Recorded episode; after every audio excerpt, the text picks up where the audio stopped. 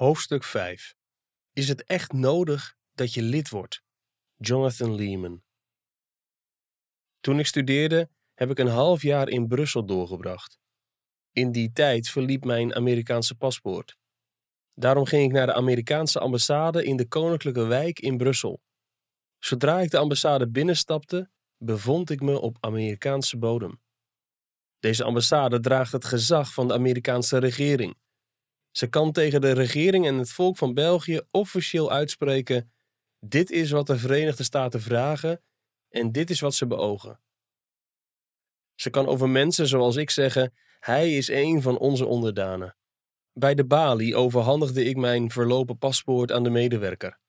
Hij stelde me enkele vragen en hij voerde enkele dingen in zijn computer in. In no time ontving ik een nieuw paspoort dat bevestigt dat ik een Amerikaanse staatsburger ben. De ambassade maakte me niet tot een staatsburger, dat was ik al door geboorte, maar het erkende mijn staatsburgerschap en het bevestigde dat officieel. Ze spreekt namens de Verenigde Staten op een manier waarop ik dat niet kan, ook al ben ik een Amerikaanse staatsburger.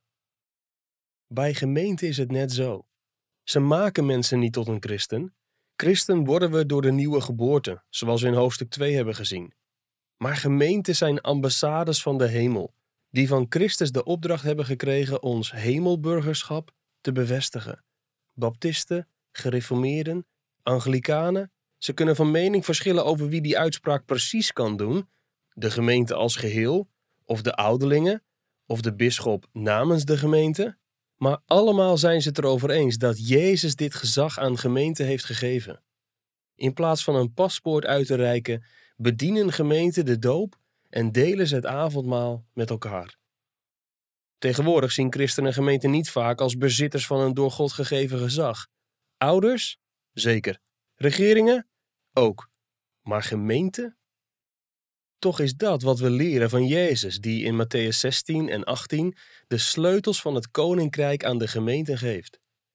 Ten eerste leert Jezus in Matthäus 16, vers 13 tot en met 20 dat de sleutels gebruikt worden om de juiste beleidenis van het evangelie te bevestigen. Petrus beleidt wie Jezus is. Jezus bevestigt het antwoord van Petrus, belooft zijn gemeente te bouwen en geeft Petrus en de apostelen om die reden dan ook de sleutels van het koninkrijk der hemelen. Vers 19.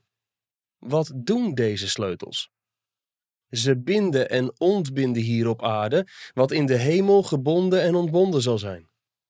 Zo zeggen we dat nu niet meer en daarom valt het ons misschien niet op wat dit nou precies betekent. Maar zie de sleutels maar als het gezag van een ambassade, om de wetten en de besluiten van het land dat ze vertegenwoordigt officieel af te kondigen. Ten tweede leert Jezus in Matthäus 18, vers 15 tot 20 dat de sleutels gebruikt worden om de ware beleiders van het evangelie te bevestigen. Hij overhandigt de sleutels van het koninkrijk aan een plaatselijke gemeente als grond om het lidmaatschap te ontnemen aan iedereen bij wie leven en beleidenis niet overeenstemmen. Dit lijkt dus op de bevoegdheid van een ambassade om formeel te verklaren wie haar burgers zijn. Samengevat, gemeenten bezitten de sleutels van het koninkrijk. Dat wil zeggen, de bevoegdheid om namens de hemel het wat en het wie van het evangelie te bevestigen. Wat is een juiste beleidenis? En wie is een ware beleider? In de kern komt het hierop neer. Het gezag van de sleutels is het recht om namens Jezus het wat en het wie van het evangelie te verklaren. Een andere vergelijking die misschien kan helpen om het sleutelgezag van de gemeente te begrijpen, is het werk van een rechter. Een rechter maakt de wet niet. Hij of zij maakt iemand ook niet schuldig of onschuldig. Maar de rechter bezit wel de bevoegdheid om namens de regering de wet te interpreteren en een officieel vonnis te vellen, schuldig of onschuldig. Zo is het ook met de uitspraken van een gemeente. Ze zijn de officiële ambtsdragers die het koninkrijk van de hemel op aarde vertegenwoordigen. Soms vergissen gemeenten zich in hun oordeel, net als ambassadeurs en ambassades of rechters en rechtbanken. Toch is dit de taak die Jezus aan de gemeenten heeft gegeven. Hoe vellen gemeenten zo'n officieel oordeel? Ten eerste doen ze dat door de prediking, waarover in het vorige hoofdstuk spraken. Als de voorganger preekt, bindt of ontbindt hij het geweten van de gemeente, conform zijn verstaan van Gods woord. Ten tweede binden of ontbinden gemeenten door de sacramenten, die zijn ingesteld door Jezus. De doop komt als eerste. Dat is de voordeur van het lidmaatschap van de gemeente. Mensen die samenkomen in Christus naam, Matthäus 18 vers 20, dopen mensen in zijn naam, Matthäus 28 vers 19. Door de doop verklaren we, ik hoor bij Jezus. De gemeente bevestigt dit. Deze persoon hoort bij Jezus. Beide partijen hebben iets te zeggen. Daarop volgt het heilig avondmaal. Het is de gewone gezinsmaaltijd voor leden van de gemeente. Zie Matthäus 26, vers 26 tot en met 29. Lidmaatschap van de gemeente betekent in zekere zin eenvoudigweg deel hebben aan de tafel van de Here. Want het avondmaal is dé manier waarop we elkaar steeds weer als gelovigen erkennen. Luister maar naar Paulus. Omdat het brood één is, zijn wij, die velen zijn, één lichaam. Want we hebben allen deel aan het ene brood. 1 Korinthe 10, vers 17. Deel hebben aan het ene brood laat zien dat we één lichaam vormen. Het bevestigt dat we gelovigen zijn. De verschillende christelijke kerkverbanden verschillen van mening over wat het avondmaalsbrood precies betekent. Maar ze zijn het er allemaal over eens dat het avondmaal een gemeentemaaltijd is, waarmee de hele gemeente elkaars lidmaatschap van Christus lichaam bevestigt. Veel te vaak behandelen christenen de sacramenten heel individualistisch. Dan worden de doop en het avondmaal thuis bediend, tijdens een weekend weg of een buitenlandse reis met wat andere gelovigen. Het thuisblijven vanwege corona heeft mensen wel heel bijzonder in de verleiding gebracht om zo te denken. Het is waar dat het Nieuwe Testament de doop niet absoluut beperkt tot iets wat in de gemeente moet plaatsvinden, zoals we zien bij Filippus die de kamerheer uit Ethiopië doopt, Handelingen 8 vers 26 tot 40. Als een zendeling een nieuw gebied betreedt, dan moet dit kunnen. Toch is het de normale gang van zaken deze twee sacramenten te vieren binnen de samenkomst van de gemeente, onder de waakzame hoede van de gemeente, zoals toen 3000 mensen werden gedoopt in de gemeente van Jeruzalem. Handelingen 2, vers 41. Zo waarschuwt Paulus ons ook alleen aan het avondmaal deel te nemen als we het lichaam, dat wil zeggen de gemeente, van de Here onderscheiden. 1 Korinthe 11, vers 29. Verder zegt hij: wacht op elkaar als je het avondmaal gebruikt. Vers 33. Het is echt iets wat je als gemeente doet. Een keer toen ik met de gemeente het avondmaal vierde, heb ik tegen de broeders om me heen gezegd: laten we tijdens de deelname elkaar aankijken en elkaar aan het einde omhelzen. Ik wilde duidelijk maken dat we dit echt gezamenlijk vieren. Mijn vrienden kreunden bij dat verzoek, maar goed, ze stemden er toch mee in. Dus gingen we bij elkaar zitten en vierden het avondmaal. We keken elkaar aan en we omhelsden elkaar.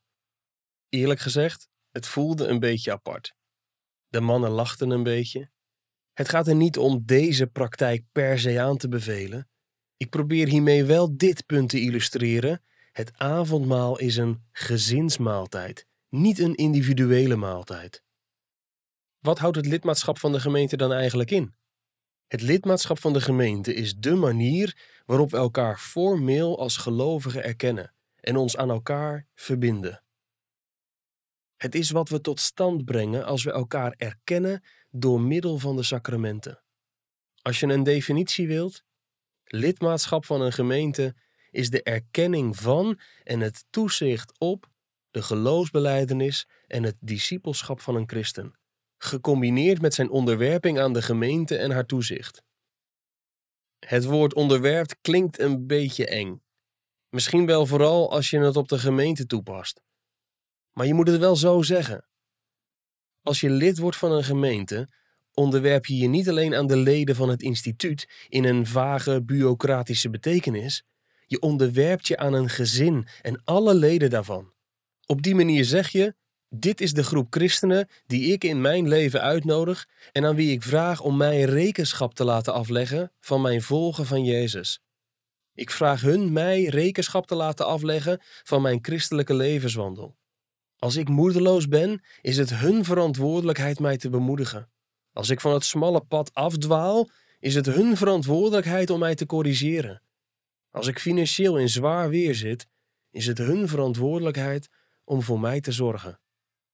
En deze verplichting geldt wederzijds. Door andere leden van de gemeente te vragen naar jou om te zien, beloof je dat jij ook naar hen zult omzien. Je maakt nu deel uit van de gemeente, die anderen erkent en over hen waakt. En op dat punt kom ik straks nog terug. Als je goed hebt opgelet, is het nu ook duidelijk dat doop, avondmaal en lidmaatschap van de gemeente bij elkaar horen. Er bestaan uitzonderingen, maar doorgaans dopen gemeenten mensen als ze lid worden en is het avondmaal een voorrecht voor gemeenteleden. Het zij in hun eigen gemeente, dan wel in een andere als ze die bezoeken. Deze drie dingen werken immers samen aan hetzelfde: het bevestigen en afbakenen van het volk van God. Samen verklaren ze aan de volken van de aarde: dit zijn de burgers van het koninkrijk van de hemel. Er zijn wel mensen die graag beweren: lid worden van een gemeente is voor mij niet nodig. Ik hoor al bij de wereldwijde kerk van Christus. De wereldwijde kerk is de aanduiding die theologen gebruiken voor het lichaam van Christus in de hele wereld en door de hele geschiedenis heen. Klopt dat? Kunnen we de plaatselijke gemeente laten voor wat ze is, omdat we allemaal bij onze bekering leden van de wereldwijde kerk worden? Het korte antwoord is nee. Het is waar dat het niet nodig is je bij een gemeente te voegen om behouden te worden. Ons lidmaatschap van de wereldwijde kerk is een geschenk. Efeze 2, vers 11 tot en met 22. Net als onze gerechtigheid een geschenk is en ons geloof een geschenk is. Toch is het wel nodig je bij een gemeente te voegen als je gehoorzaam wilt zijn aan de schrift. Net zoals ons geloof goede werken moet voortbrengen. Colossense 3 vers 10 en 12, Jacobus 2 vers 14 tot en met 16. Zo moeten we ook aan ons wereldwijde lidmaatschap een plaatselijke vorm geven. Ons lidmaatschap van de wereldwijde kerk kan niet iets abstracts blijven. Als dat echt is, zal het op aarde zichtbaar zijn, in tijd en ruimte en bij mensen met namen als Betty, Jamar, Said en Ling. Lockdowns vanwege een pandemie veranderen daar niets aan. Als de geest in je werkt, wil je je inzetten voor het lichaam van Christus. Dat kun je haast niet tegenhouden. Echt lidmaatschap van de wereldwijde kerk schept een plaatselijk lidmaatschap van de gemeente, dat op zijn beurt ons wereldwijde lidmaatschap weer aantoont. Misschien heb je, net als wij, wel vrienden gehad die hun christen zijn los van een gemeente probeerden te beleven. Dan heb je misschien ook gezien hoe hun geloof stap voor stap verschrompelde en soms zelfs helemaal verdween. Ik had een vriend die ik, nadat hij een paar maanden lang de diensten had bijgewoond, aanmoedigde om lid te worden van onze gemeente. Dat weigerde hij omdat hij anderen geen verantwoording schuldig wilde zijn. Ondertussen liet hij zich in met een ernstige zonde. Het zal je niet verbazen dat hij steeds minder vaak kwam, totdat hij er helemaal mee stopte. Op een dag vertelde hij me uiteindelijk bij de koffie: Jonathan, ik ben geen christen meer. In ieder geval niet op die manier zoals jij christen bent. Lidmaatschap van de gemeente biedt de veiligheid van de schaapskooi, waarvan Christus de herder is. Het biedt de voeding van het verbonden zijn met een lichaam, waarvan Christus het hoofd is. Je bent eraan verbonden als een arm aan de romp vastzit. Het biedt je de liefde van een gezin, waarin Christus van de vele erfgenamen de eerstgeborene is. Het biedt je de taken en de verplichtingen van het burgerschap van een heilig volk, waarvan Christus de koning is. Een andere vraag die mensen wel stellen is of lidmaatschap van een gemeente wel in de Bijbel voorkomt. Misschien heb jij jezelf dat ook wel eens afgevraagd.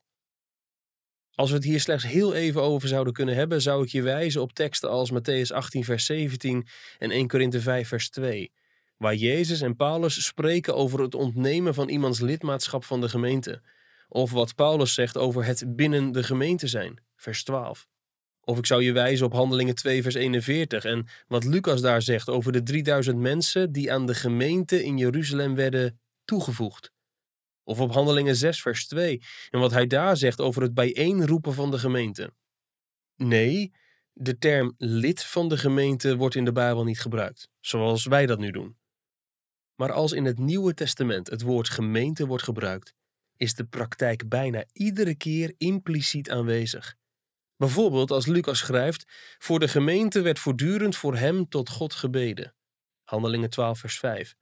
Of als Paulus schrijft aan de gemeenten van Galatië. Galaten 1, vers 2.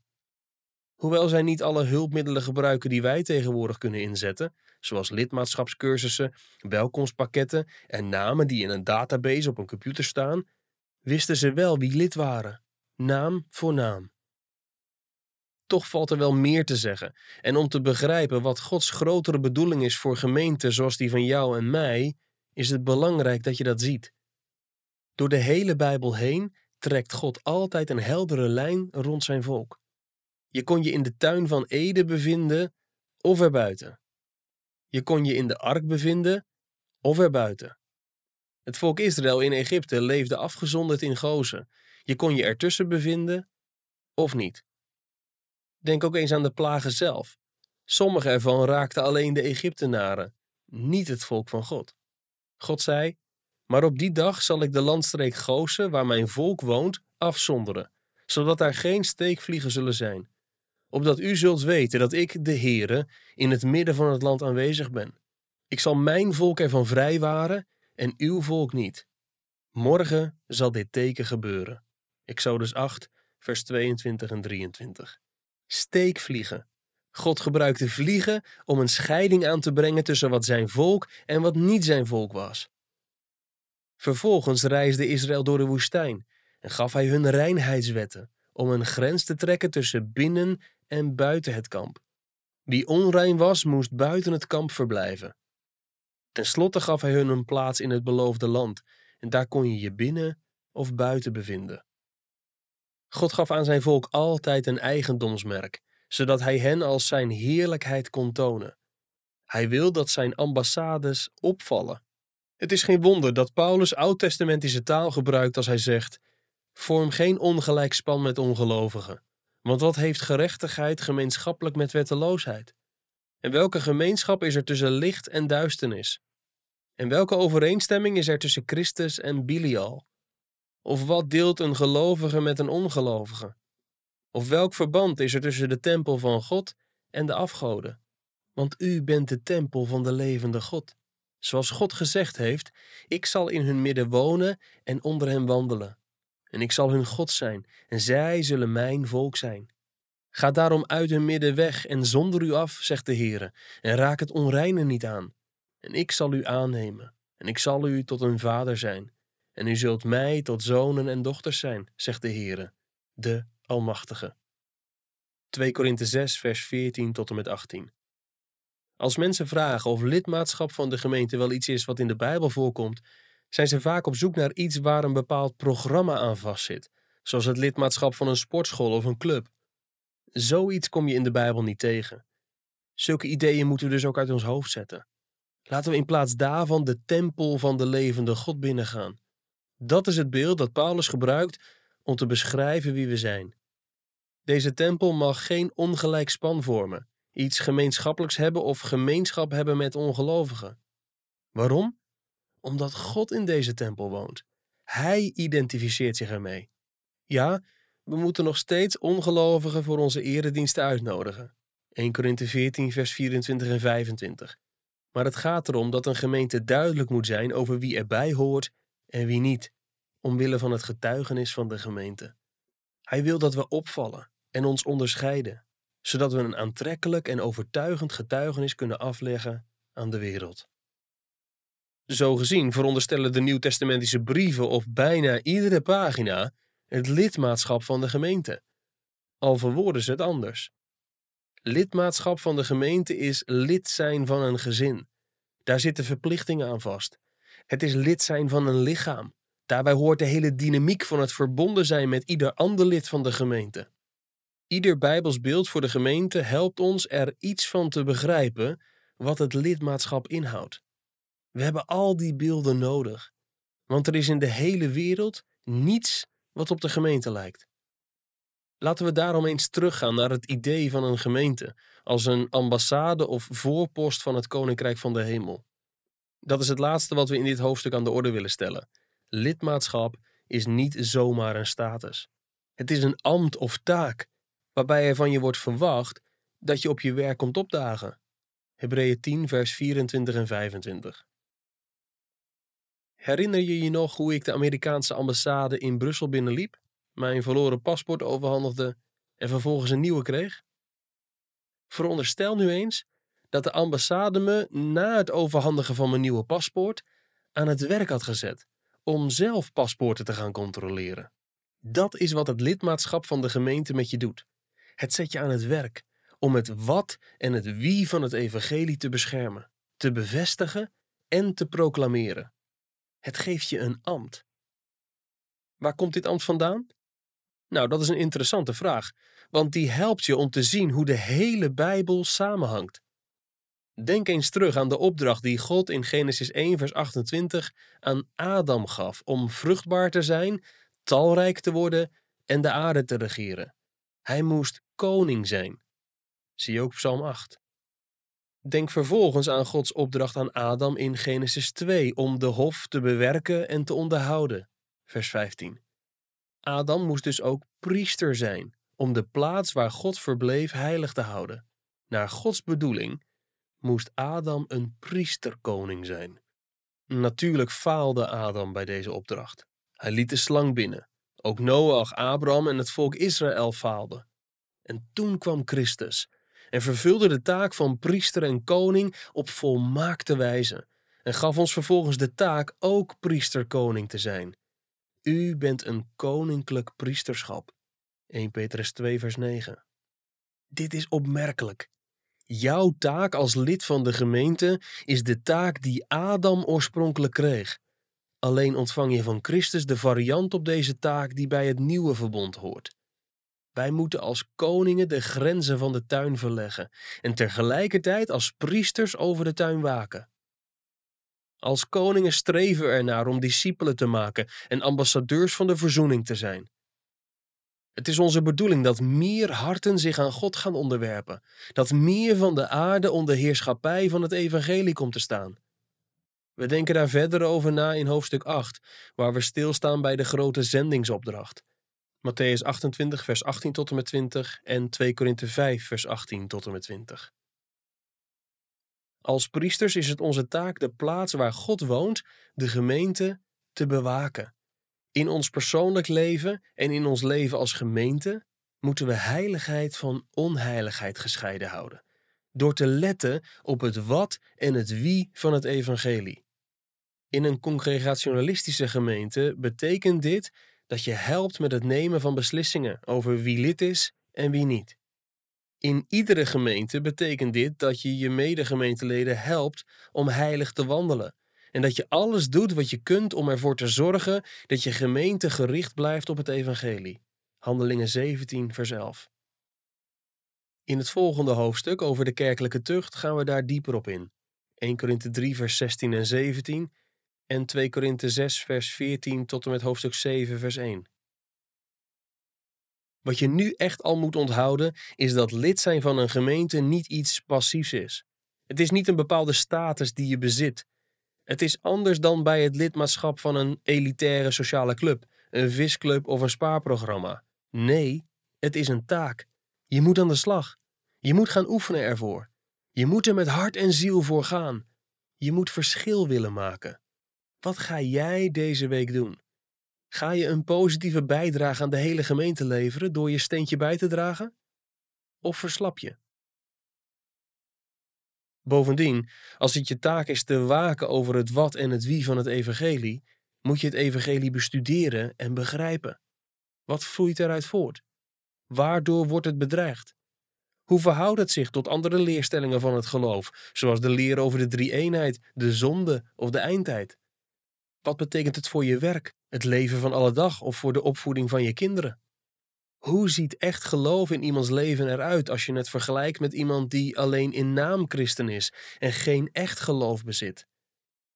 Kun je het verschil aanwijzen tussen een gemeentelid dat in zonde valt omdat hij of zij zwak is, en een lid dat de zonde najaagt omdat hij of zij goddeloos is, een wolf in schaapskleren? Weet je hoe je op beide moet reageren? Kun je het verschil aanwijzen tussen een ware en een valse leraar van de gemeente? Ken je ook de andere leden van je gemeente en investeer je in hun leven? Mogen ze jouw agenda in de war schoppen? Help je hen financieel als ze het moeilijk hebben? Of houd je je doorgaans alleen met jezelf bezig en beschouwt je die anderhalf uur in de dienst op zondagmorgen als jouw betrokkenheid bij de gemeente? We brengen jaren door op school en vaak ook nog op vervolgopleiding om ons op onze baan voor te bereiden. We storten ons 40 uur per week op onze baan en blijven daarvoor altijd maar leren, trainen en groeien. En dat is heel goed. Maar hoe zou het eruit kunnen zien als we net zo doelgericht, vastberaden en hard zouden werken in onze taak van het beschermen van het volk dat Gods evangelie gelooft en van het uitbreiden van de heerschappij van het evangelie? Als iemand lid wil worden van de gemeente waarvan ik voorganger ben, zeg ik aan het einde van het lidmaatschapsgesprek ongeveer dit. Door lid te worden van deze gemeente ga je samen met ons de verantwoordelijkheid dragen of deze gemeente getrouw het evangelie blijft verkondigen. Dat betekent dat je mede verantwoordelijk bent voor wat deze kerk onderwijst en of de gemeenteleden trouw blijven in hun levenswandel. Op een dag zul je voor God staan om verantwoording af te leggen over hoe je deze verantwoordelijkheid hebt vervuld. We hebben meer handen nodig voor de oogst en dus hopen we dat je ons wilt helpen in dat werk. Het lidmaatschapsgesprek is eigenlijk een soort sollicitatiegesprek. Jezus vroeg Petrus wie hij dacht dat Jezus was, voordat hij hem aan het werk zette in de opbouw van zijn gemeente. Wij moeten hetzelfde doen ervoor zorgen dat mensen weten wie Jezus is en dat ze weten welke taak ze op zich nemen door zich bij de gemeente aan te sluiten.